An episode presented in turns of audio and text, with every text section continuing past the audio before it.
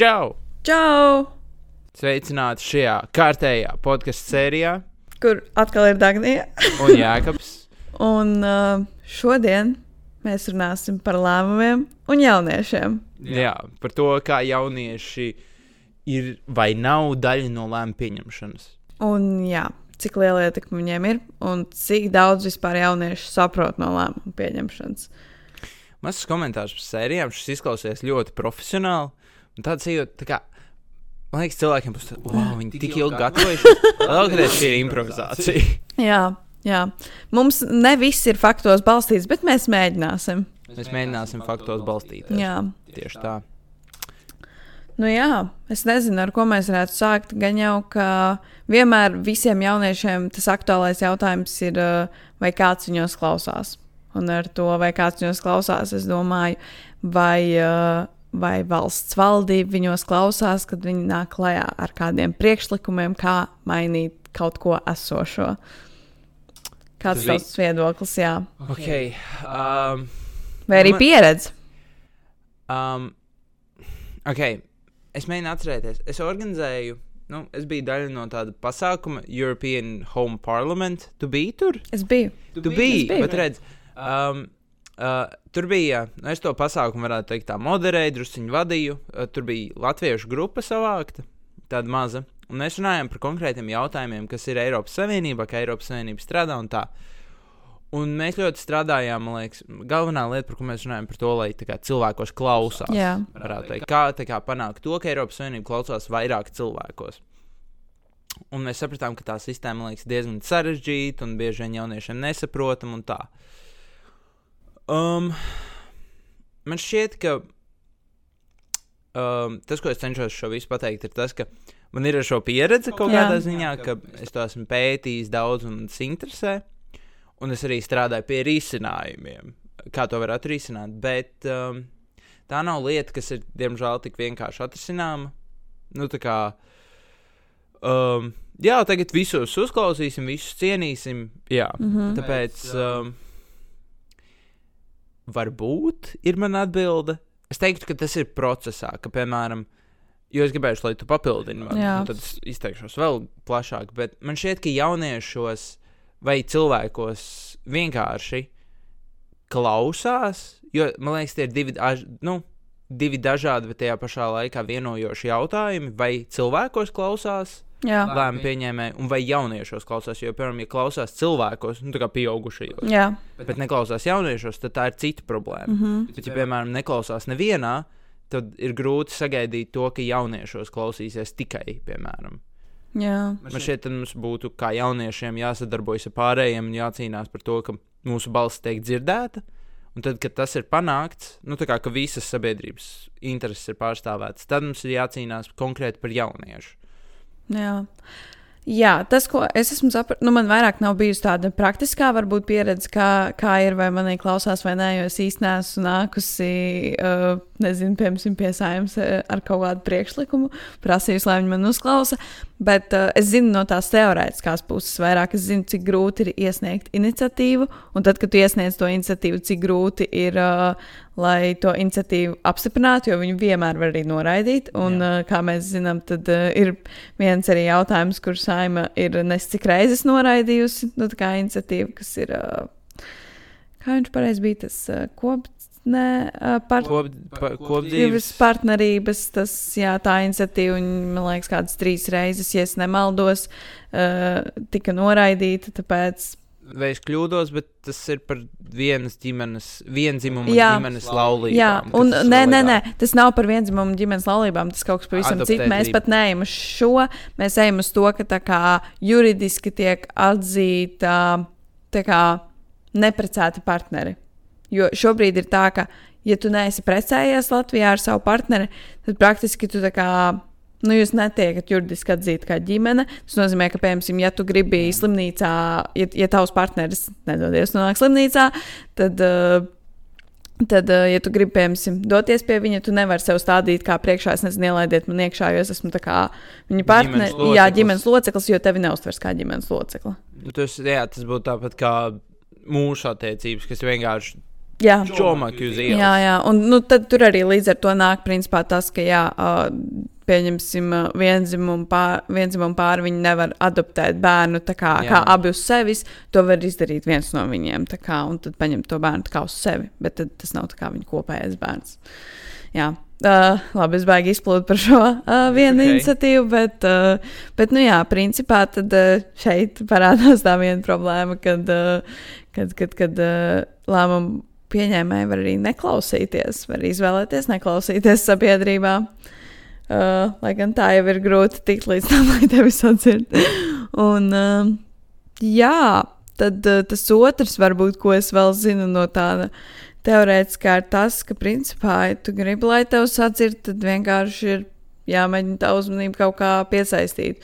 Un tas reāli ir protesti, uh, es nezinu, sociālajos tīklos kaut kā to savu pozīciju mēģināt uh, parādīt sabiedrībai tā, lai pie tevis, tā, lai tev piekrīt pēc iespējas vairāk cilvēki.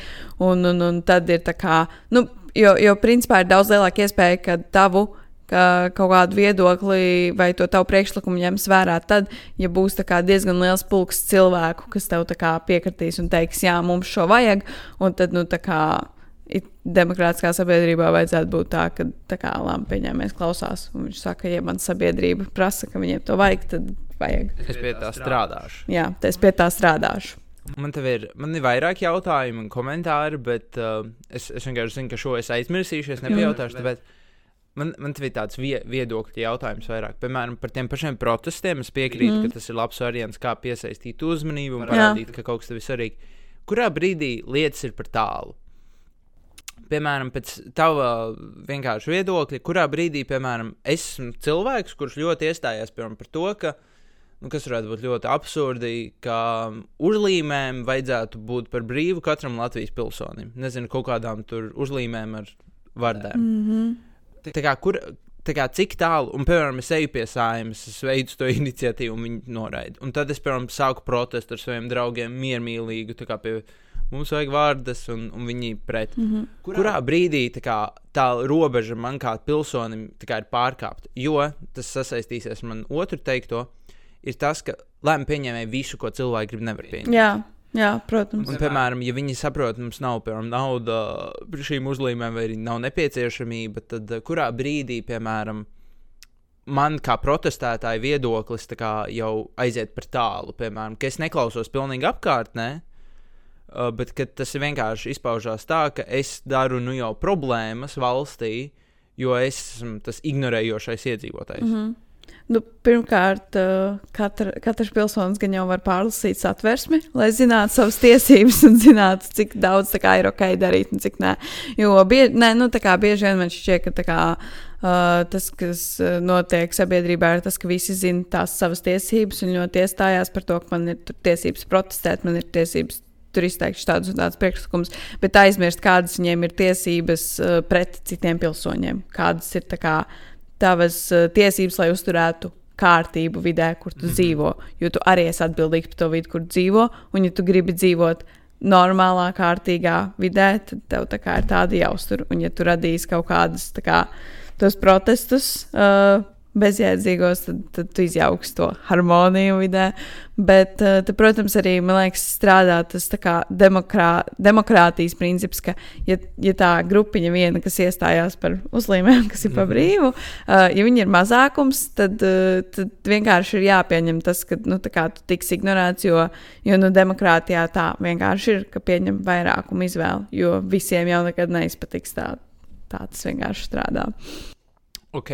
Um, Vai tu vari iedot praktisku piemēru, kurā brīdī, nu, tā kā, labi, es, es pieņemu, ka vardarbīgs protests, kur mēs ejam mm. un taisām piu, piu, piu un vēl visu kaut ko, tas nav labi. Tā, kā, tā ir skaidra, tāla, tāla robeža, kur nevajag tikt. Bet, piemēram, vai tu vari iedot praktisku, tā kā, nu, cik par savām domām, piemēram, vai nu tas pats protests vai iesniegums vai kaut kas tāds, kas kurā brīdī ir pa tālu pēc tavām domām? Um. Nu, labi, Nu, te, tad, nu, jā. Izņemot to pju, pju. Tas ir visiem. liekas. Es, grib, es gribētu domāt, ka visiem ir skaidrs, ka tas ir par tālu. Mm -hmm. nu, tā es ņemšu tādu, man liekas, ļoti redzamu piemēru, tādu nesenu, kas ir noticis vienkārši tie paši protesti, kas, pieņemsim, bija pret uh, maskām, ja nemaldos, nu, principā pret covid Jā. ierobežojumiem, kas bija.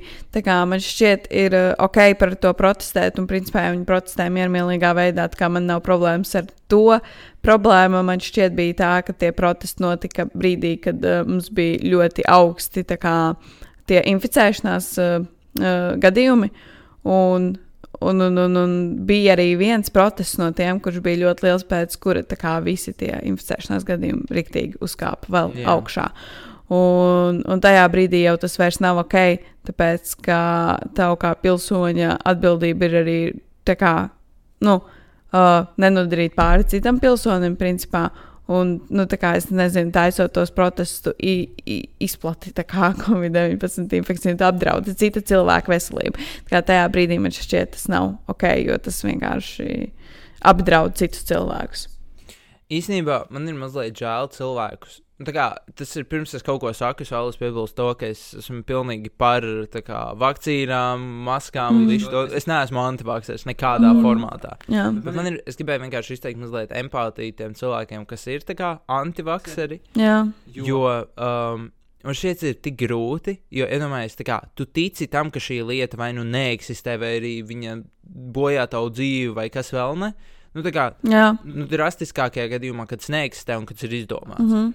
Un šī lieta tevi ierobežo izteikties, piemēram. Tu nedrīksti protestēt, tāpēc, ka tev valdība iedod attaisnojumu, kas it kā neeksistē tavās acīs. Un tas liekas tāds riktīgs, man liekas, psiholoģiskais, nu vispār. Ko, ko man darīt? Jā, jā, tas gan, jā, es varu saprast no tādas puses. Bet nu, tas nav aizstāvība. vairāk. Jā, tas, jā. Ir, tas ir ar mērķi tiešām um, saprast, varbūt to otru pusi tā vairāk, jo man šķiet, tas, tas ir arī par to jauniešu uzklausīšanu, ka Mhm. cilvēki aizmirst, varbūt ielikt sevi otrā kurpēs, varētu mm. -hmm. teikt. Jā, Jo, piemēram, nezinu, tu man sūdzies par, oi, tagad jābūt ļoti uzmanīgam, nu kaut kādu, Mhm. teiksim, meiteņu problēmu. kas ir meiteņa? Redz, redz, es, es neaiziešu tālāk par šo. Iedomājieties, meitenēm ir problēma. Es, oh, tas, ir- es Nu, labi, es te, man nolūzu, pieņemsim, nagi. Es varu par teikt. to. Man arī var nolūgt. Bet man ir tā kā. Ja... Labi, droši vien, labi pārfrāzēsim. Tu sūdzies par Dagnijas problēmu. okay. Dagnijai ir problēma, ka viņai ir zaļūdens pudeļi. Viņai, es nezinu, vienalga. Jā, es gribu zilu ūdens pudeli. piemēram. zielūdens pudeli. Um, un uh, man ir jāsaprot viņas kā pozīcija, jo, piemēram, man varbūt mājās ir sešas zilas ūdens pudeles. Man šī problēma nav aktuāla. Vienalga. Um, man ir jāspēj ielikt kā, viņu, kā viņas vietu, nu, viņa, kā iekāpt viņas zābakos, tā teikt, uh, ka es saprotu tavu problēmu, ka es saprotu, kāpēc ir šāda problēma, no kurienes tas nāk. Un, Es nezinu, kādā ziņā tevi uzklausīt kvalitatīvāk. Jo bieži vien cilvēkiem ir tāds, ah, tev ir problēma, tā kā nē, man, man tas nav aktuāli. Piemēram, Uh, man tas neskar, vai kas vēl tik ne. Un uh, tas arī iet ar to lēmumu pieņemšanu kopā. Jā, Piemēram, nezinu, tie paši an- antivakseri protestē. Mums, man liekas, lai atrastu piemēram, kaut kādu dialogu, tad ir jāsaprot, kāpēc piemēram, viņi ir tik ļoti pret. mm -hmm. Bet tas ir kaut kas tā kā psiholoģiski, vai tas ir kaut kas, ko mēs esam pateikuši kā valdība. Mm. Piemēram, tā kā, tagad tu sāc ieklausīties otrā pusē, ir daudz vieglāk atrast kompromisu. Protams, jo bez tās ieklausīšanās, te, tā kā rodas vēl viena tā problēma, par kuras uh, man šķiet runāja iepriekšējā epizodē, kas ir tā polarizācija arī. Jo um, tajos protestos kaut vai kā ir daļa, pieņemsim, kur nevis iestājās pret kaut kādām vakcīnām, bet viņi iestājās pret ierobežojumiem. Viņi uzskata, ka kā, ierobežojumi ir tas, kas nav ok, viņi ir kā neefektīvi, nevajadzīgi kā vairākās kaut kādās varbūt sfērās. Nu, kā, piemēram, ir vietas, kur vajag ierobežojums, ir vietas, kur nevajag ierobežojums, bet kā, nu, kā vakcinācija ir ok, bet kā viņi iestājā. Pieņemsim, protestā, kas vienkārši iestājās pret visu, kas iestājās pret vakcināciju, kas iestājās pret ierobežojumu. Visi uzreiz domās, kā Ne, ka, ka viņi laivā. vienkārši, jā, ka viņi netic Covidam vai kaut ko tādu. Un man liekas, ka tā, tā, tā, kaut kas tāds ir arī līdzīgs citos, ja kādos protestos tas pats uh, bija tie protesti. Nu, laikam, gājienu, protestu, kā viņus pareizi nodefinēt, tas, kas ir tāds uh, zaļās piekdienas nākotnē. Jā. Uh, man šķiet, ka bieži vien tur arī tie cilvēki tiek uztverti bez maz vai tā, ka viņi grib, uh, es nezinu, tur super izmainīt pasauli un grib, lai neviens tur nēd gaļu. Mašīnas, Un neviens jā. nebrauc ar mašīnu, un, un, un lai mēs neradām nekādu piesārņojumu. Tā nav. Man šķiet, tur kā, nu, katram ļoti ir tāds atšķirīgs viedoklis par to, cik lielā mērā un kas būtu jāmaina vispār. Un, jā. Tāpēc, jā, vajag ieklausīties cilvēkos vairāk. I mean, ok, labi, tad tādu foršu pārēju uztaisot par to, ka jā, jā, jāklausās cilvēkos. Tad mēs sākām runāt par jauniešiem. Jo, nu, Jā, um, nu, labi, es laikam no savas pieredzes, jo tu, tu minēji, ka tev pašai nav praktiska Jā. pieredze. Saimē es arī neesmu neko iesniedzis Mm. pats personīgi. Es esmu bijis ar uh, dažādiem speciālistiem diskusijās, vai tās ir kaut kādas ministrijas, vai tie ir parlamenti, vai kas vēl ne. Nu, man ir tā privilēģija būt klubs māju viceprezidentam ārlietās, kurš regulāri pārstāv organizāciju vai savu, vai jauniešu, vai vienalga kādu viedokli, un tad sanāk izpausties. Tāpēc man ir pieredze, tā kā, ka mani gan uzklausa, gan neuzklausa, ka man dod vārdu un nedod vārdu. Mm. Tas ir. Um, es nezinu, kā es par to visu jūtos, jo es tagad ļoti strādāju. Nu, es negribu teikt, ka es lobēju, bet es šo ideju popularizēju par to, ka īpaši tagad, kad ir Eiropas jaunatnes gads, es nezinu, vai tu zini, es nezināju. ir Eiropas jaunatnes gads un uh, jaunieši prioritāte un kas vēl ne. Nu, man personīgi nekas dzīvē diži nemainās, varbūt vairāk pasākumi, uh, bet um, jauniešos it kā vairāk klausās, kas liekas forši, mm. -hmm. bet tam ir pretefekts. Man šķiet briesmīgāk ir, ka tu uzaicini jaunieti vai jauniešu pārstāvu vai vienalga un neklausies viņā. Es runāju ar kaut kādu mistisko politiķu, valsts prezidentu, vienalga, man ir kaut kāds tēls blakus, kurš ir it kā interesantāks nekā tu. Mhm. Un um, tu esi tur vienkārši ķeksīšu pēc, lai būtu arī tā, un es tev uzdodu kaut kādus divus jautājumus, un viņam astoņus.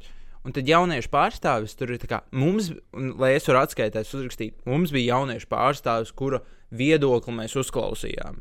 Tas, ka mēs kaut ko darījām, tas nav svarīgi. Tā kā, un tā ir bieži problēma, kas parādās, ka, piemēram, es uzklausu, nu, nezinu, es uztaisu konsultāciju, piemēram, organizācijā ar biedriem. Nezinu, piemēram, Re, kur man ir ideja, piemēram, klubs māja, biroju pārdot. Un visi iestājās, nē, nevajag, nē, šie ir iemesli, kāpēc nē. Es varu pateikt, ka es konsultējos ar viņiem. Man nav viņa jāuzklausa. Es viņus vienkārši dzirdēju, un tad pārdot biroju. Nu, mm. Tas bieži vien notiek. Ko es redzu, ka jaunieši tur uh, ķeksīšu pēc, ka jā, jauniešu viedoklis tika uzklausīts, bet viņš netika respektēts. Un tā ir bieži problēma ne tikai lēmumu pieņēmējiem, bet arī dzīvē, ko es, es personīgi saskaros, un citi saskarās. Citi jaunieši, piemēram, par to, ka tevi, nu, kaut vai pie paša ģimenes galda, mm -hmm. protams, nekādas sarunas neaiziet par politiku, ka um, tevī neklausās, tāpēc, ka tu esi jaunietis. Jā, Un tev nav šī dzīves pieredze, tāpēc tavs viedoklis ir mazāk svarīgs. Vienalga, ko tu saki, tevī neklausās, tāpēc, ka tev ir tik un tik gadi. jā. Vai tu ar šo esi saskārusies? Jā, man īstenībā šeit ļoti daudz ko teikt. Uh, es gribu sākt ar to, ka um, es sapratu, ka vispār man arī ir bijusi laikam, pieredze kaut kādā ziņā ar to lēmumu pieņemšanu, jo es esmu vairāk kārt piedalījusies uh, ANO jauniešu delegācijas programmas konferencēs. Uh. Jā, um, kur mēs arī tā izstrādājam rezol tādas tā rezolūcijas un principā arī ieteikumus, ko mainīt uh, uh, kā valstī, uh, lai, lai, lai, lai nu, jā, pa dažādām tēmām, principā. Un uh, man tas viss ir šķitis ļoti forši, un es vienmēr arī saņemu apakaļ to dokumentu, kas pēc mūsu uh, konferences ir izstrādāts, kuru mēs kā nosūtīsim cilvēkiem. Un, uh, Un, un tas viss šķiet forši. Un, un, un, un, un, nu, jā, un tā kā ļoti forši, jā, jo it kā mūs, mūsos laikam ir gatavi klausīties cilvēki. Bet uh, es arī vēl īsti neesmu i, sapratusi, cik ļoti viņi ņem vērā to, ko mēs tur izstrādājam. Jo, principā, jau tajās kaut kādās konferencēs mēs strādājam kopā ar ekspertiem, ar savus jomas ekspertiem. Tāpēc man šķiet, ka vairāk vajadzētu ņemt vērā to kaut kādu izstrādāto gala dokumentu un viedokli, tāpēc ka tas nav tikai jauniešu viedoklis, tas ir viedoklis kopā, kur ir bijis eksperts klāt un kurš saprot tās lietas tiešām. Uh, bet, nu jā, es nezinu, man, jo man šķiet, ka tie jautājumi, kurus mēs esam tajās konferencēs uh, pacēluši, ir tādi ļoti lieli jautājumi, kurus nevar īsti sasniegt kaut kādā vienā gadā. Tu nevari to visu izmainīt vienā gadā. Uh, pieņemsim, tas pats uh, kā, jautājums par dzimumu un dzimti, ka vajag nodalīt. Nu, vienā gadā neiz, neizmainīs visu likumdošanu, lai to. Nu, tāpēc, tāpēc ir ļoti grūti redzēt, vai, vai, no, kā, vai tieši no šīs platformas manu viedokli ņem vērā vai neņem vērā, jo tās parasti tādas lielas izmaiņas, kuras var prasīt gadus. Uh, jā, par vecumu. Um, Man tieši ienāca prātā, es, uh, es, es, es uh, atcerējos, ka man vienam uh, draugam vispār nesen bija tāda situācija arī, ka viņa viedokli neņēma vērā ar tādu attaisnojumu, ka viņš tā ir jaunietis, viņš taču neko nesaprot. Lai gan uh, ir kaut kādas jomas, kur uh, varbūt mēs jaunieši esam pat uh, labāk izglītot nekā nezinu, mūsu vecāki vai citi radinieki. Jo, nu, pieņemsim, es esmu tajā vecumā, kad es studēju, un, un, un ir tā viena joma, kur nu, kā, es viņu studēju, līdz ar to man šķiet, ka es kā, nu, diezgan labi saprotu, jo es kā, tomēr ieeju dziļumā tām lietām un mācos. Un tad, pieņemsim, ir kaut kāds mans radinieks, kurš varbūt tās lietas nesaprot tik sīki, jo viņš vienkārši ir kā, nezinu, eksperts citā lietā. Viņš varbūt ir, kā, nezinu, varbūt vecāks ir kaut kāds inženieris, un viņš var tur tā kā darīt kaut kādas lietas, tur praktiski ar rokām un tā, bet es tur pieņemsim, zinu vairāk par politiku, un tas man šķiet ir tikai ok, ja tas uh, vecāks nezinās tik daudz uh, par politiku, un viņam vajadzētu ņemt varbūt vērā to jauniešu viedokli, jo, jo, ja tavs, jo īpaši ja tavs, kā, tas jaunietis mācās par to, un viņš tā kā dien, dienā padzi, pa, kā ir padziļināts tajā iekšā, tad kāpēc neņemt viņu vērā un kāpēc vienkārši. Kāpēc lai viedoklis, ka tā kā ai, tas jauns un tu neko nesaproti strādāt? Šī ir tāda sāpīga tēma. Um, nu, es, es ar to arī saskaros diezgan bieži, bet um, es kaut kā esmu pieradis. Es nezinu, tas, protams, nav labs attaisnojums. Taču mazliet arī aizstāvot vecāko paudzi, ir, man šķiet, tas ir līdzsvars. Jo ir svarīgi, ka jauniešu viedokli ir nu, uzklausa. Jo, nu, man liekas, arī kaut vai tā pati, piemēram, pieaugušiem uz ielas var pārmest, ka viņi nepareizi nosauc cilvēku grupējumu. Mm. Vakar aizgāja ļoti gara diskusija par šo. Ka, piemēram, nu, es negribu teikt, bet, nu, Labi, Latvija ir kaini bijusi ilgu laiku nodalīta no pārējās pasaules, un tagad mums nāk dažādu izcels, izcelsmju cilvēku. Jā, jā labi, turpiniet. Ir pareizi. Nē, izcel, izcel, izcelmju. Izcel... Dažādi cilvēki, dažādu kultūru un jā, dažādi cilvēki. Un, uh, ja tu ar viņiem runāsi neadekvāti, piemēram, tā kā tu runā es nezinu, ģimenes lokā, tas tevīs kritizēs sabiedrību un tā cilvēku grupu un kas vēl. Ne? Jā. Ir pat, turpat, man liekas, var nonākt, tas nezinu. Tā kā cietumā, mm. nu, es nezinu, vienalga. Nu, tas nav, gan jau, ka nē, bet. Uh, nu, nosacīt īstenībā, tāpēc, ka mums ir, uh, man, man šķiet, esmu diezgan pārliecināta, ka mums ir, jā, mums ir likums par, tā kā, es nezinu, kā aizmirst, kā bija Latvijas, bet hate speech. Nu, jo, jā, tā kā. Jo, jo um, ir jāsaprot to, ka, nu, man liekas, tās vecākās paudzes nav varbūt tik ļoti izglītotas par to vispārējo pasauli. Viņi nezina par to, kā, piemēram, drīkst un nedrīkst saukt konkrētas grupas. Jā. Tāpat kā visus latviešus vienkārši iedalīt, visi, kri... nu, tā kā krievi. Mēs esam krievi, tā kā vienkārši kaut kādi. Mm. Kā to sauc? Protestētāji, kas ir atvienojušies, kas tūlīt tiks pievienot apakaļ Krievijai. Mm -hmm. Padomju Savienībai vienalga. Nu, kā, ja tu šādi pateiksi kādam latvietim, viņš nebūs priecīgs. Un es to pašu pielīdzinātu jebkādas citas kultūras cilvēkam, ka to izvaino vienkārši viņa rasi vai viņa pagātni. Jā. Un jaunieši man šķiet, esot internetā daudz labāk to redz. Viņi redz, ka cilvēki ne, netīšām kaut ko, pa, vai tīšām pasaka kaut ko un dabū pa biksēm. Um, tāpēc man liekas, jaunieši, nu, tas ir tāds praktisks piemērs, kur viņi spēja pateikt, piemēram, māmu, tēti, šitā nesaki, tā kā ārpus ģimenes lokas vienkārši nav adekvāti. Jā. Un, um, man liekas, tā ir lieta, kur tiešām jaunietis var iemācīt vecākam cilvēkam, kā, kā druskuļi modernāk domāt un dzīvot. Bet uh, otrs, kas ir svarīgi, ir piemēram saprast arī otru pusi. Jauniešiem jārespektē vecāka gada cilvēki. Jo, piemēram, es nezinu, kā jūs, bet es par Padomju Savienību dzirdu regulāri un par to, kāda bija tajā laikā. Tas ir viss ok, bet nu, ir svarīgi, kā jaunietim arī saprast to, ka saprast tos mūsu valsts saknes, teiksim. Jo es nevaru, piemēram, to pašu vienzimumu laulību vai nu, to likumu bīdīt uz priekšu. Es nezinu pareizo terminoloģiju, es atvainojos. Um, es nevaru viņu bīdīt uz priekšu valstī, kurā ir rīktīgi iesprūdus vēl citā laikmetā. Jā. Um, tāpēc, piemēram, jauniem Eiropas federālistiem ir tāds sauklis uh, Simply Generation Ahead ka viņi ir ģenerācija uz priekšu, jo viņi paši zina, ka federālisms tagad nenotiktu Eiropā. Mm. Tas, tas ir kā, uz nākotni. No, okay. nu, tas, nu, tas ir, man liekas, tāpat ir ar daudzām lietām, ko strādā tagad jaunieši, ka viņi bišķīt neapzinās to, ka Latvijā tagad to vienkārši nevar, tāpēc, ka sabiedrība tam nav gatava. Mm -hmm. Mēs, Mēs esam vēl procesā uz to. Tas, ko tu vari darīt, ir veicināt šo procesu, un tāpēc ir svarīgi komunicēt ar vecāka gada cilvēkiem, jo viņi ir šajā, nu, viņi ir tev mērķa auditorija. Principā. Ja tu sapratīsi viņu domāšanu, tev būs vieglāk virzīt savu ideju uz priekšu. Jā. Jā, šeit man arī ir ko pakomentēt. Uh, par to, par, par, par, par uh, to neaizskaramību, kā, ka, nu, kā, ka nevajadzētu aizskart. Uh, un kā neaizskart citas uh, rases vai etniskās piedarības cilvēkus. Uh, tur man šķiet vienkārši tā problēma ir tā, ka polikorektums visu laiku tā kā, ir tāds pieaugošs, un cilvēki vienkārši.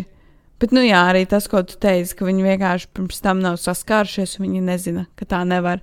Jo, jo, tas, jo tas pat nebija tā kā sociāli pieņemta norma, ka tā nedrīkst darīt.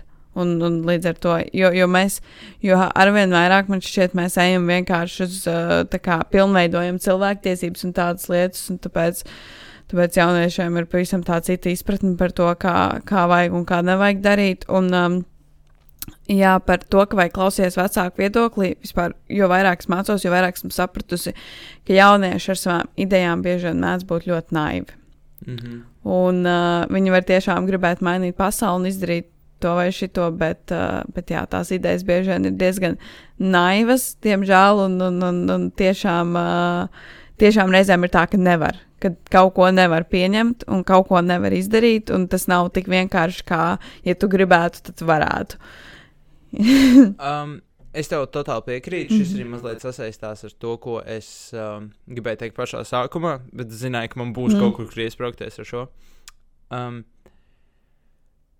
Es nesen biju diskusijā uh, Siguldā, un tur ir tāda rīktīga kopiena. Nu, varēja just tādu mm. kopienas sajūtu viņiem. Ka, uh, principā es atbraucu kaut kādus rīznieks, un viņi jūt, ka man ir tās manas idejas, bet viņiem ir sava sistēma, un viss strādā. Viņi tiešām ir vienoti, kā mm -hmm. lēmumu pieņēmēji un jaunieši, kas ir forši. Un uh, ļoti man nesen uh, viens jaunietis stāstīja par praktisks piemērs. Viņš iesniedz uh, iesniegumu tur savā domē par skateparku veidošanu jauniešiem, un viņam arī atteica principā tā, ka tu esi jaunietis, kā, nu, principā aizmirsti par šo ideju, ko tu mēģini un tā. Um, un tas bija diezgan, viņam nolaidās rokas, un es gribēju, kā lēmumu pieņēmējs, šī pabakstīt, kā viņi reaģēs uz šo jautājumu, tāpēc es pacēlu šo tēmu. Un viņi teica, ka jā, bet um, jauniešiem nedrīkst būt ilo, ilūzija, ka visas viņu idejas ir labas, ka vajag sagatavoties un izpētīt un pārbaudīt, jo, piemēram, uh, tas pats, ko mēs runājām par to pašu skateparku, praktisks piemērs ir tas, ka varbūt, nezinu, tā kā trīs km attālumā ir pilnīgi tāds pats skateparks Jā. pirms diviem gadiem būvēts. Vai arī, nu, nu, vienkārši ir citi varianti, ko var darīt. Un, um, Jā, varbūt kaut kas vajadzīgāks, ko var tajā teritorijā ieviest. Jā, varbūt jaunieši, piemēram, ir teiku, veikuši daudz lielāku pieprasījumu par kaut ko citu. Jā. Kaut kādu, nezinu, tur rotaļlaukumu vai vienalga futbola laukumu. Un šīs lietas jāņem vienkārši vērā, kā jaunietim, mm. piemēram, ka tev ideja, nu, tev jārēķinās ar to, ka viņa varētu tikt noraidīta. Protams, nevajag vienmēr nokārt rokas un kā galvu, ja tev um, šī ideja tiešām patīk. Ir svarīgi, piemēram, nu, iet pa soļiem. Piemēram, es gribu kaut ko skolā uzlabot. Jā. Nezinu, piemēram, to, ka man izsniedz vārdus uzlīmes. es kaut kā izdomāju pēkšņi. Um, es varu iesniegt, piemēram, aiziet uz skolas pašpārvaldi jauniešu. Vienkārši pateikt, hei, man ir šāda ideja, ko jūs domājat, viņi bija šī iedos tev nu, kaut kādu fonu, ja tu esi pašpārvaldē vēl labāk. Tad tu, piemēram, ej tālāk pie kāda skolotāja ar ap, nu, noslīpētāku ideju. Un tad tu ej, piemēram, pie uh, nu, direktora vai vēl kaut kāda skolotāja. Un tā tu ej tā augstāk un augstāk pa tām trepēm, un tev ideja, viņa ir katru reizi noslīpēsies, jo kāds tev iedos kaut ko klāt, kaut ko noņems nost. Un, um, no tā nevajag baidīties, un tas arī mazliet šis process, viņš apgrūtina noteikti visu, bet viņš arī palīdz ar to, ka visas idejas netiek realizētas. Jā. Jo, piemēram, vienā brīdī vienkārši es sapratīšu, ka teorētiski mana varžu ideja ir reāla, bet viņa ir ļoti čakarīga, piemēram.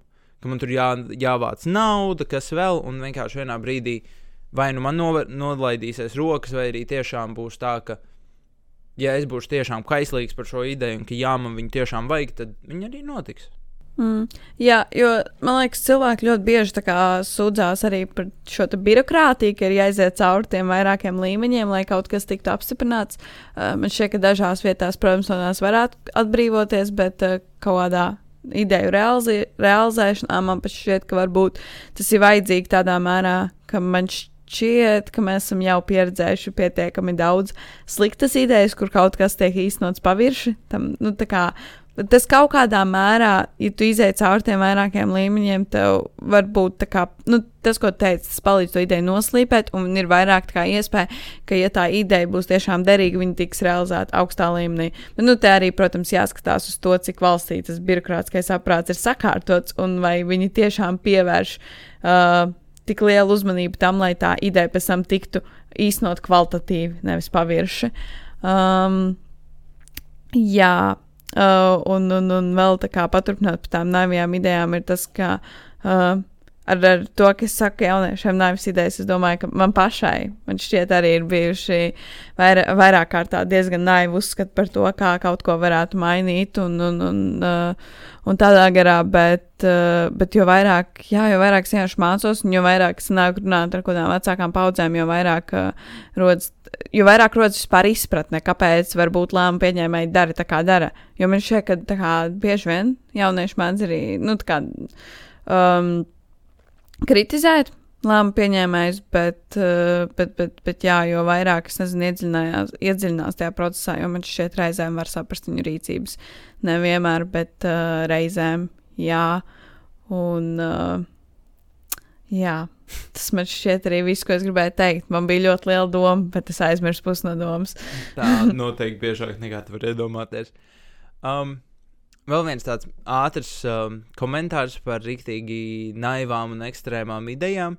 Man šķiet, viņas ir vajadzīgas, jo, ja tu sēdēsi ar domu, piemēram, ka nezinu, viņa tiks realizēta, tad tu esi problēmā. Bet, ja tu vienkārši mm. to dari, lai savu prātu asinātu vai vienkārši izklaidētu ideju, nu, lai tev būtu pašam interesanti, tu attīsti pirmkārt savu personīgo domāšanu, un tu potenciāli vari atrast risinājumu citām problēmām. Mm -hmm. Jo vienā brīdī man tur bija par globālu armiju, ka tur vajag cīnīties, bet piemēram, es nesen izdomāju par to pašu. Tagad ir problēma ar gāzes cenām un un ar mašīnām un visu kaut ko tādu. Es vienkārši katru rītu eju tādā īsā pastaigā, un es vienkārši izskaitīju mašīnas. Man bija četras mašīnas pēc kārtas, un tad bija autobusi, kuros nu, bija četras mašīnas, un katrā bija pa vienam cilvēkam.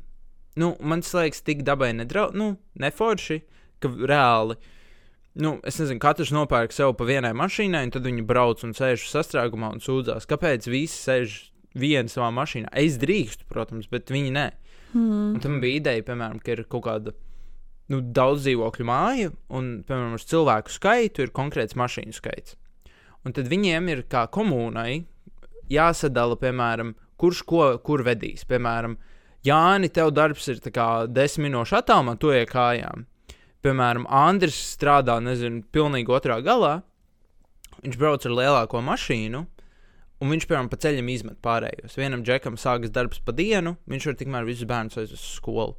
Man liekas, tā, kaut kas tāds, tā kā, liekas, protams, bija šī apgrūtinājums, bet atrisinātu nereāli daudz problēmas. Un, mm. Protams, tā ir tāda vienkārši filozofija, bet tajā pašā laikā tu aizdomājies par kaut ko tādu, un tad tu atceries vienkārši lietu, kas mums ir, ko sauc par sabiedrisko transportu, kas ir ļoti līdzīgs princips. Jo labi, es dzīvoju Rīgas, es dzīvoju Agenskalnā, un man ir transports uz visām pusēm. Tas ir apgrūtinājums, bet tas ir daudz vieglāk. Un cilvēki mm. vienkārši da, bieži vien braukā, tāpēc ka nu, mašīnu nopirkt, tad jau jābrauc. Nu, Tāpēc man nav tiesības. Man nav tiesības. Labi, man nav īstenībā tāpēc, ka es neesmu saņēmusies viņas nolikt, bet uh, nu, man arī nav vajadzība, godīgi sakot, es neesmu izjūtis. Ja, man, ja es būtu izjūtis reāli vajadzību nolikt tiesības, viņas gan jau būtu nolikus. Bet uh, jā, šeit, šeit ir eksistējošs pierādījums tam, kā 20-gadīgs jaunietis, kurš dzīvo ārpus Rīgas, var izdzīvot bez tiesībām. nu jā, es. Um, Es esmu eksistējošs jaunietis, kurš var pierādīt to, ka viņš ir izdzīvot diži bez Jo kādreiz, piemēram, es biju ļoti slikts piemērs. Man liekas, man ļoti ilgi salīdzinoši veda tētis ar uh, mašīnu uz skolu. Mm -hmm. Un es dzīvoju ļoti tuvu. Tā kā, ja mm. man liekas, es tagad mācītos tur sietu kājām. Jā. Un um, man patīk pastaigāties.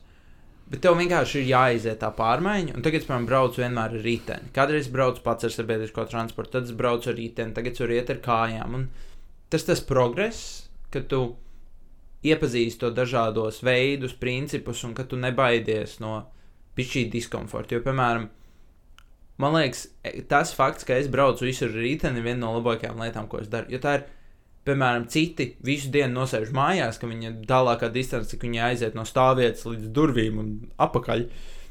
Man, piemēram, ir vismaz, nezinu, 6-7 km rītdienā nobraukt dienā. Un tas ir kā pamats. Un, uh, Es nezinu, tas jau ir kā plusiņš man, un plusiņš mm. dabai, un plusiņš sastrēgumiem. Mm -hmm. Mīnus viena mašīna, piemēram. Jā, jā bet uh, paturpiniet vēl par tām uh, ekstrēmajām idejām. Tas, ko esmu dzirdējis no uh, vairākiem cilvēkiem, ko viņi ir teikuši, jo vairāk tu tā kā, nu, tā kā tu vari paprasīt kaut kādu ļoti, ļoti lielu lietu, un tā kā labāk ir paprasīt vairāk, Jo tad tā kā, tāpat eh, tā kā, nevar rēķināties ar to, ka tas viss, ko tu paprasti, tiks īstenots.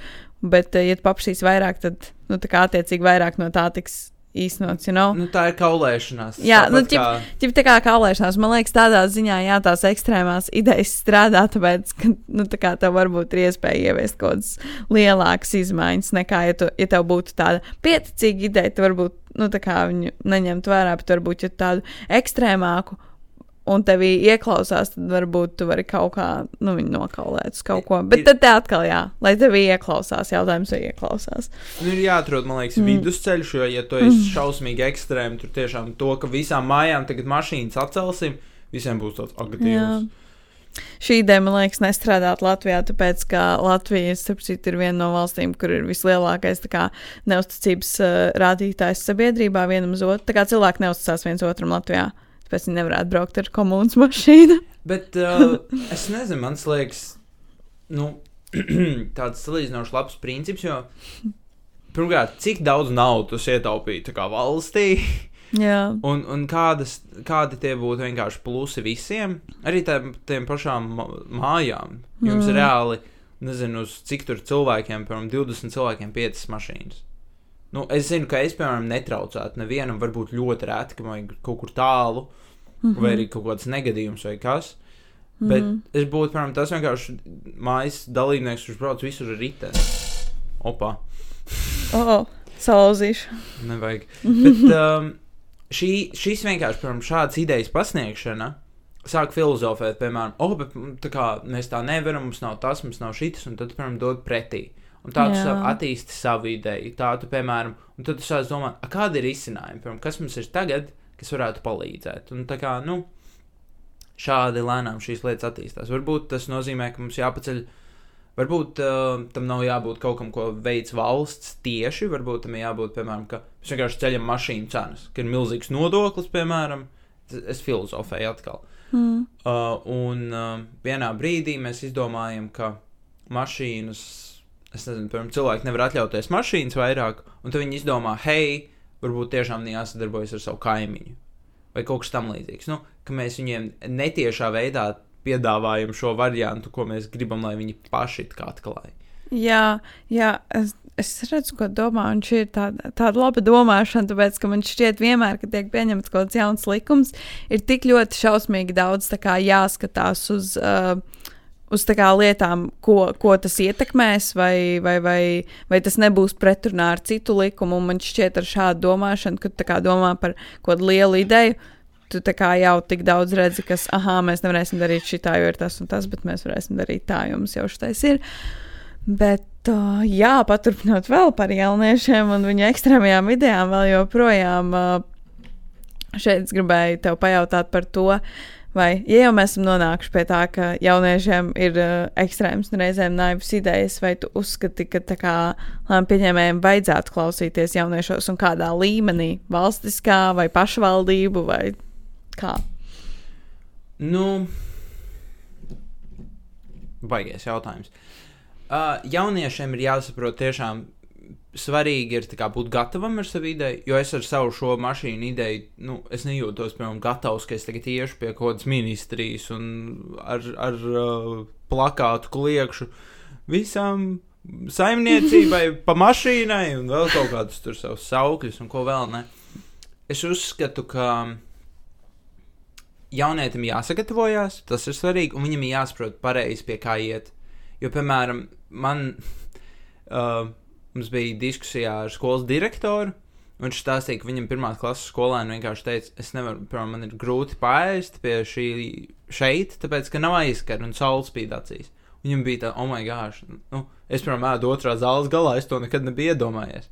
Un tas tāds praktisks, vienkāršs piemērs, kur viņam tā nevainīgi pasaka, un jā, uzreiz varu atrisināt. Bet, piemēram, um, ir stulbi, ja es eju ar to pašu aizskaru ideju, piemēram, uz domu. Viņiem būs tāds, ko tu dari? Kāpēc tu nāc pie, vai arī es, piemēram, eju savu pašpārvaldu ar, nezinu, ideju par to, ka valstī vajag pacelt nodokļus priekš uzlīmēm. Mm. Es nezinu, kas man šodien ir uzlīmēm. Vienkārši tev jāsaprot, pie kā tu ej ar savām idejām un kāpēc tu ej. Un, nu, principā tas ir arī tas, ko es no lēmumu pieņēmējiem iegūstu. Ir tas, ka ir svarīgi, ka tu esi gatavs. Un uh, vēl viena svarīga lieta par jauniešu interesu aizstāvību ir tas, ka jauniešiem ir interešu aizstāvi. Interešu aizstāvētāji, jo, piemēram, bieži vien jaunietis pats nevar īsti, viņam nav tās zināšanas, lai ietu ar savām idejām un kā, cīnītos par viņām, un tam bieži vien ir jaunieši, jaunatnes darbinieki. Mm -hmm esmu izgājis interešu aizstāvības apmācības īsas salīdzinoši, bet uh, arī vērtīgi vienkārši saprast to, kā to labāk darīt un kāpēc jauniešos neklausās, un tas bija tieši par jauniešiem. Un, uh, nu jā, piemēram, es zinu, ka mazais mm, Kārlītis, uh, viņam ir viņa ideja, par ko viņš riktīgi uh, nu, kaislīgs un ka viņam vajag uh, bet viņš nezina, kā viņu iet un bīdīt. Un tad vai nu es viņu bakstu, vai arī es eju ar to viņa sagatavoto ideju un prezentēju mm. viņu. Nu, ir tie cilvēki, kas to dara jauniešu vietā, bet, nu, mm -hmm. man liekas, svarīgākais šajā procesā ir sagatavoties, un tad arī varbūt, ja tu esi kārtīgi sagatavojies, tad ir adekvāti prasīt to, ka tevi respektē un tevi klausās. Tad, principā, jauniešiem vajadzētu vērsties pie vienkārši viņu interesu aizstāvjiem. Nevienmēr, bet um, ja tu, piemēram, ja tev nav pieredze ar šo un tu gribi kaut ko diezgan lielu, tad jā. Mm -hmm. Jo mhm. tikpat labi tas interešu aizstāvības speciālists ir tas, pie kāds viss apstāsies. Jā. Tu nāc ar, pie manis ar ideju, un es vienkārši pasaku, sorry. Mm. es neredzu, kādas notiks tuvākās desmit gadus laikā. Jā, jā jūs vienkārši domājat, ka tā, par, tā kā par šādām idejām, man liekas, jaunietim varētu būt ļoti liels tās apjukums, pie kā viņš iet pie, pie kā viņam iet, kurš ir tas pareizais cilvēks, kurš, kurš man uzklausīs, kurš varēs virzīt to tālāk. Tāda, jā, varbūt interesanta problēma, ko vajadzētu risināt, vai nē? Es nezinu. Nu, vēl viens ieteikums tāds praktisks, ja tu esi jaunietis, kurš vienkārši nezina, pie kā iet, ej pie kāda, kas varētu zināt. Tas ir, man liekas, mm. pirmais vieglākais solis. Ej vai nu pie pašpārvaldes prezidenta, ej pie jaunatnes organizācijām. Uh, ja man uzrakstīs personīgi e-pastu, jaunietis sakot, ej, man ir ideja, un es nezinu, ko ar viņu darīt, es viņiem atbildēšu, piedāvāšu sazvanīties un kā kaut ko domāt. Jo mm. bieži vien daudz jauniešu kā nāk uz klubs māju ar citām idejām, bet tas nenozīmē, ka es tagad būšu vienkārši slēgtais jaunas darbinieks, kas fokusējas tikai uz Eiropu, kas viņam nepalīdzēšu tur, piemēram, Liepājā kaut ko uztaisīt. Tas, kā es viņam varu palīdzēt, vienkārši ievirzīt viņu organizācijās, kas es zinu, ka tur ir. Mm -hmm. Un um, svarīgi ir aiziet pie kāda. Nu, Jā. tā kā, ja tev šī ideja ir svarīga, tad ej, nu, nezinu, piemēram, pie tā paša savas. Man liekas, pašvaldībās jā, arī ir jauniešu centri vai kaut kas tāds. Jā, diži pie jebkā, un ja viņi nezinās, tad palūdz, lai viņi padod tālāk ziņu mm. Mhm. kādam, kas varētu zināt. Tas ir kaut kādā brīdī tu uzskries netīšām virsū kādam, kas tev varēs palīdzēt. Tātad, Dagnī, arī tāds interesants jautājums, bet um, mums bija nesen jāveido vairākas diskusijas par to, vai jaunieši spēj ietekmēt lietas, ar to domu, ka jauniešiem regulāri ir attieksme par to, ka, nu, pi- pirmkārt, mēs runājam ļoti par to, ka jauniešiem ir tās idejas un viņi grib kaut ko darīt ar viņām, bet jautājums ir, piemēram, vai jaunietis var veikt kaut kādas tiešas pārmaiņas savā sabiedrībā, uh, nu, komunā, kopienā, vienalga. Es gribētu dzirdēt tavu viedokli, vai kā jaunietis kaut ko vispār var darīt. Tas ir pirmais jautājums. Mm, es domāju, ka jebkurš var darīt tādā līmenī, ka vienmēr var darīt kā no apakšas, nevis no augšas. Tā kā tev nav vienmēr, lai, lai kaut ko sākt darīt, tev nav vienmēr jāiet ar iniciatīvu pie, uh, pie, pie valsts valdības. Tā teikt, tu vari, ja tu gribi kaut kādas mazas izmaiņas veikt savā komunā, tad uh, dari to. Ja tas nav pret likumu, da, kā dari to? Man patīk šī piebilde. jo, jo, jo, jo, jā, jo man, man šķiet, vienmēr, vie- eh, tā kā bieži vien man šķiet, ka uh, cilvēkiem ir tā doma, ka, ai, ko tā es, es jau tā kā neko nevaru darīt, jo, uh, jo manī tāpat tur neklausīsies, vai arī man tur jāiet šausmīgi grūtam procesam cauri, lai tur uzklausītu manu ideju un lai kaut kas mainītos.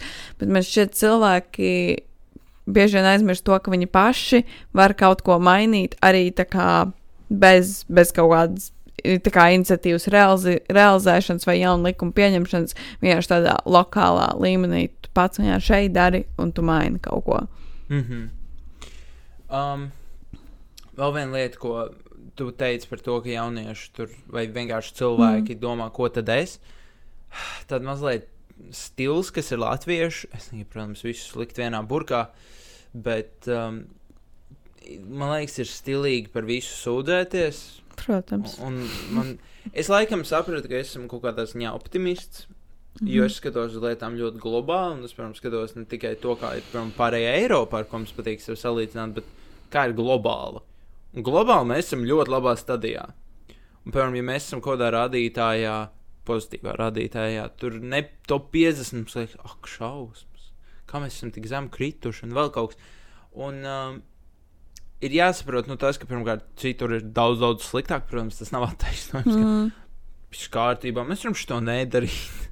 Cilvēku tiesības ir mazs svarīgi. Kam to vajag vispār? Jā, demokrātija ir relatīvs jēdziens. Jociņš, pociņš, mēs. Jo, Mēs, jociņš. mēs, tas ir sarkasms.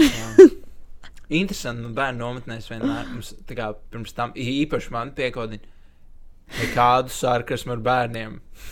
Nekā, jo bērni nesaprot sarkasmu. Jā. Jā. Es nezinu, es vienkārši neatceros tā kā tik uh, senu pagātni, lai, lai domātu, vai es jebkad esmu sapratis, nu, kad es biju maziņš, vai esmu sapratis sarkasmu. Nē, nu, viņi saprot, bet viņi to saprot Mm. mm. daudz grūtāk. Jā. tad, piemēram, mums, mums ar vadītājiem bija joks, ka viena mājiņa visu laiku deg.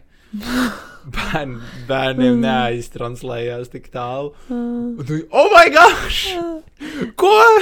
ne, man šķiet, vienkārši es, esmu, es, es uzaugu ar ļoti sarkastisku tā kā vecāku, kurš praktiski visu teica sarkasmā, tāpēc man šķiet, tas tā kā man vienkārši bija pie tā jāpierod. Man jau ir tas pats, bet vienkārši, zin kā, tagad tu Mm. nometnē vadi bērnus, tad ir tāds, oi, bāc, jādomā, ko tur runā. Mm. Bet uh, atgriežoties pie tēmas, um, laikam jauniešiem ir tā, es negribu teikt, nu, arī nevar visus mest vienā burkā, bet ir sajūta, ka tu vienkārši neko nevar izdarīt. Tāpēc kāda jēga vispār kaut ko darīt. Man liekas, tiešām muļķīgi. Es piekrītu tai komunas idejai, ka viss likumīgais, ja tu gribi kaut ko mainīt, tad ej un maini. Jo nu, ir tik vienkārši, piemēram, redzēt, oh, nu, bācis, man tā nepatīk, kad viņi būvē to māju. Tādu, tādu un tādu iemeslu dēļ. Ah, nu, ej, izdara kaut ko, aizēj, pasūdzies. Ah, nē, ej, un tur sākās, man liekas, tās problēmas. Un, Bieži, nu, protams, vēl viena lieta, kas jauniešiem iet šī pret, ir tas, ka viņi nevar, piemēram, ievēlēt uh, saimu vai, nezinu, savu reģionu vēlēšanās vai vienalga. Uh, tā ir tāda bija šī sāpīga tēma. Jo, Vesela atsevišķa tēma, par kuru parunāt. Mēs noteikti runāsim. Jā. Bet um, ir svarīgi, svarīgi vienkārši iet un teikt, ja tev kaut kas tiešām nepatīk. Protams, atkal pamatoti un tā. Mm. Jo, cik man ir dzirdēts, jauniešiem ir sajūta, man liekas, tas nav tikai tāpēc, ka viņi nedomā, ka viņi savā reģionā nevar neko mainīt. Viņiem, man liekas, tā ļoti dziļa sakne, ka jaunieši uzskata, ka viņi vispār neko nevar mainīt. Ne tikai, tā kā, piemēram, jo, nu.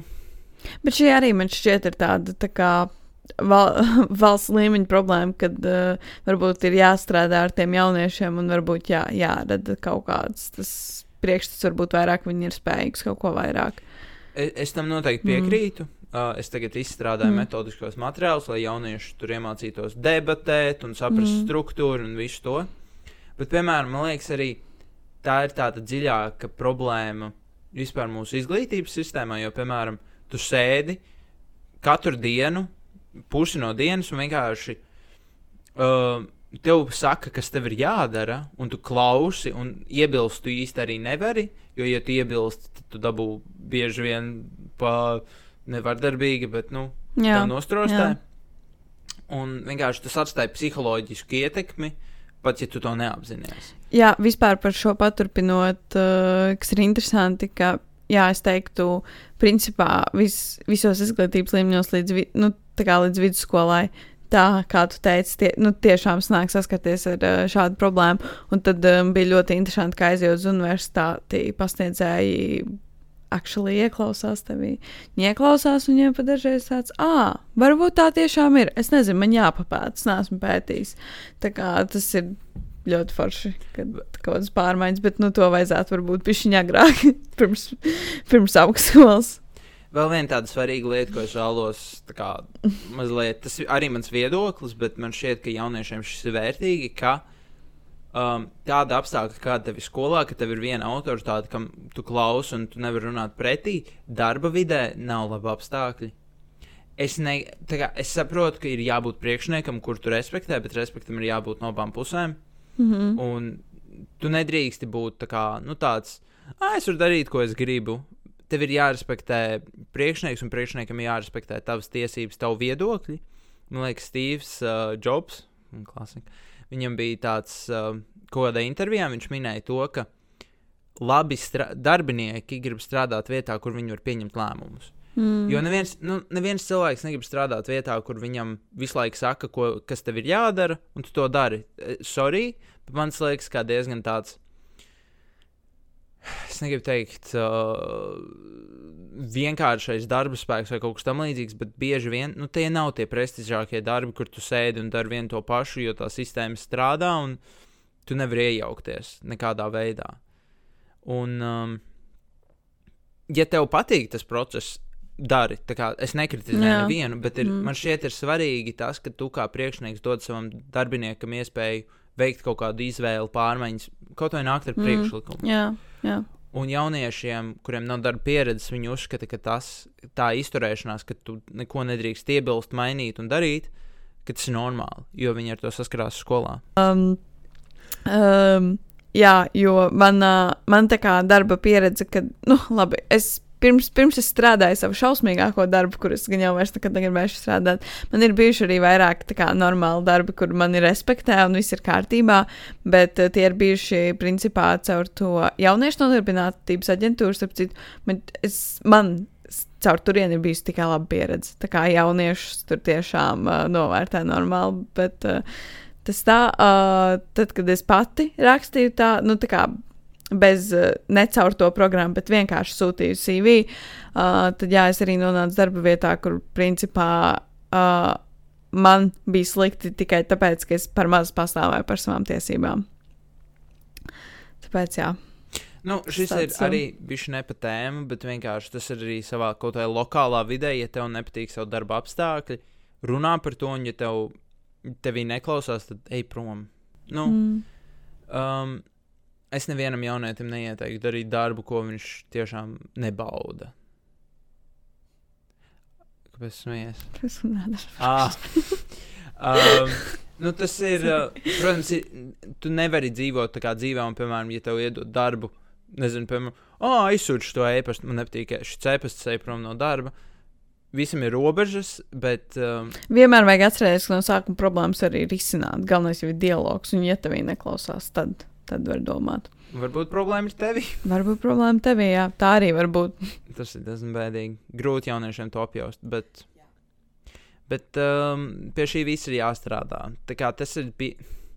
Lai cik ļoti tā būtu darbs ar problēmu vai darbs ar kaut kādu globālu lietu risināšanu, nevajag aizmirst to, ka kaut kādas lietas arī ir kā tevī pašā, un tev sākumā jāatrisina tas sevi, un tad tikai uz Mhm. āru. Jā, jo uh, tas, kur mēs vispār iesākām šo, šo, šo, šo diskusiju uh, par to, ka. Uh, Jaunieši spēj veikt pārmaiņas. Jā, par jauniešu spēju veikt uh, pārmaiņas man šķiet, ka reizēm ir arī tas, ka jauniešiem šķiet, ka viņi ir uh, spējīgi veikt tās pārmaiņas, bet uh, viņi nav gatavi saskarties ar to darbu, Jā. kas jādara, lai veiktu tās pārmaiņas. Jo, jo viens ir tā kā, ok, tas pasaka, es gribu pārmaiņas, un tad. Uh, un tad es sāku, piemēram, čīkstēt par to, ka, ai, bet tā visa sistēma, kurai man jāiet cauri, tā birokrātiskā sistēma, visas tās Jo tas arī kā ir process, tas ir darbs, kuram jābūt gatavam, ja tiešām gribi kaut ko mainīt. Un otrs atkal ir tas, ka, ja tu esi kā nolēmis, ka, lai ieviestu tavus pārmaiņas, tev varbūt nevajag sniegt kaut kādu iniciatīvu kā uh, lēmumu pieņēmējiem, un tu vari veikt viņus kā nu, lokālā līmenī pats, tad atkal. Kā man liekas, bieži vien ir tā galējība, ka jaunieši ar ko, nu, ne tikai jaunieši, vispār cilvēki ar kādām idejām grib aiziet pie lēmumu ņēmējiem, tāpēc, ka viņi paši tādā lokālā līmenī nav gatavi uzņemties to darbu, ka viņi paši ņems, organizēs un liks kaut ko tādu darīt. Uh, viņi tā kā sagaida, ka kāds principā no augšas viņiem pateiks, tagad mēs darīsim tā, un tad visi tā darīs. Vienkārši jā. Ok, šis bija man tāds, es domāju, pēdējais komentārs no manas puses, bet kas man vien, vienreiz samulsināja, arī biju diskusijā ar lēmumu pieņēmējiem, tur ministriju, un viņi man vienā brīdī pateica, ka, jā, mēs ļoti vēlamies jums sadarboties, bet tajā pašā laikā, kā lai es zinu, kurā, kā, kuru ideju man sniegt jums kā ideju sadarboties, un kuru ideju jūs vienkārši apsmiesiet, jo Mm. tā, tā ir ļoti tāda šaura. Nu, tas ir plāns ledus, principā, un tu nezini vienkārši, kur, kas, ir, kas viņiem patiks un ko viņiem būs tāds, kāpēc tu ātrāk nenāc, mēs tev palīdzētu šo risināt. Jo daudz kas ir tāds, ka ministrijas to uzreiz var ielikt kaut kur, vai tāpat organizācija, vai diži jebkas. Mm. Bet bieži vien ir tā, ka tu nāc ar to ideju, viņiem tāds, nu, tu neko nesaproti. Un, un tagad tu esi no malas tajā visā, ir tik grūti to saprast. Piemēram, ja man ministrija saka, nu, izglītības uh, ministrija saka, mēs gribam ar jums sadarboties un vairāk kā lietas risināt, un arī es, piemēram, ar jaunas starptautisko, nu, ISPA. Es arī ar viņiem esmu kā rakstījis rēpus un gribu potenciāli veidot sadarbību. Bet es nezinu, kā varbūt viņiem šis liekas absurdi, varbūt viņiem šis liekas galīgi nepaķēksi. Varbūt tas ir kaut kas ļoti inovatīvs, ko viņi kautrējās pajautāt. Mm. Tāpēc man liekas, ļoti svarīgi būt tādiem uh, iecietīgiem vienmēr un ar tādu. Nu, tā kā tiešām censties saprast to otru cilvēku. Tas jau ir vairāk tādā tiešām individuālā līmenī, bet, uh, bet nu, jā, ir vienkārši jāmēģina saprast, ka, nu, kāpēc varbūt otrs cilvēks nāk ar to absurdo ideju. Un, ka, nu, viņš jau nav tajā pašā vietā, kur tu esi, lai viņš vienkārši saprast, ka tā ideja ir uh, absurda. Un uh, es vispār biju aiz, aizmirsis šo pieminēt, bet uh, tas, kas man šķiet vēl ir ļoti svarīgi no lēmumu pieņēmējiem, ja viņi noraida jauniešu idejas, ka viņi sniedz normālu pamatojumu, kāpēc kā mēs noraidījām, jo mēs nevaram šito to un tā kā konkrēts punktus reāli, kāpēc. Lai jaunietis var vienkārši saprast, lai viņam nav tā sajūta, ka viņā neieklausās, bet pieņemsim, lai viņš saprot, ka ok, man ideja tiešām nevarēja Es realizēt. atceros, tajā diskusijā, kas mums bija, mēs arī to vairāk reizes pieminējām. jā. Bet, um, jā, es vēlos arī tikai šo akcentēt, jo tas arī tas ir labi gan jaunietim, jo viņš saprot, ka, hei, man ideja kā, ir jāuzlabo šajos punktos, un ja viņš ir kā, tiešām par to, ka viņš cīnās par šo, tad viņš arī ies un strādās pie tiem punktiem. Un tas arī bija šī atbildība jauna, nu, tam lēmumu pieņēmējiem, jo viņš nevar, principā, vienkārši teikt, mēs nepieņemsim punktu, viņam ir jādod pamatojums, un ja viņš to dara kaut kādu uh, aizspriedumu dēļ, kā viņš to pamatos. Man ir aizspriedumi pret tevi, tāpēc es tev nedošu šo ideju, neļaušu šo realizēt. Tas uzreiz ir skandāls. Jā. Nu, man pamatojumi iedeva, ka viņam nepatīk mans vecums. Tas ir ļoti briesmīgs attaisnojums. Nu, jā, Neobjektīvs attaisnojums. neobjektīvs. Mm. Labi. Uh, man šķiet, ka šīs notis pozitīvās mēs arī varam beigt. Bet tev ir kaut kāda super beigu fināla atziņa. Oi, man ir uh, daudz atziņas. Viena atziņa, ja grib kaut ko mainīt, ir jābūt gatavam darīt, nevis tikai jāgrib. Um, jā, no lēmuma pieņēmēja puses tas, ko mēs tikko izrunājām par to, ka ļoti svarīgi ir tas, kas sniedz atpakaļ uh, uh, Atgriezenisko tā- saiti. Um, jā, es nevaru iedomāties, tev ir kaut kāds atziņas.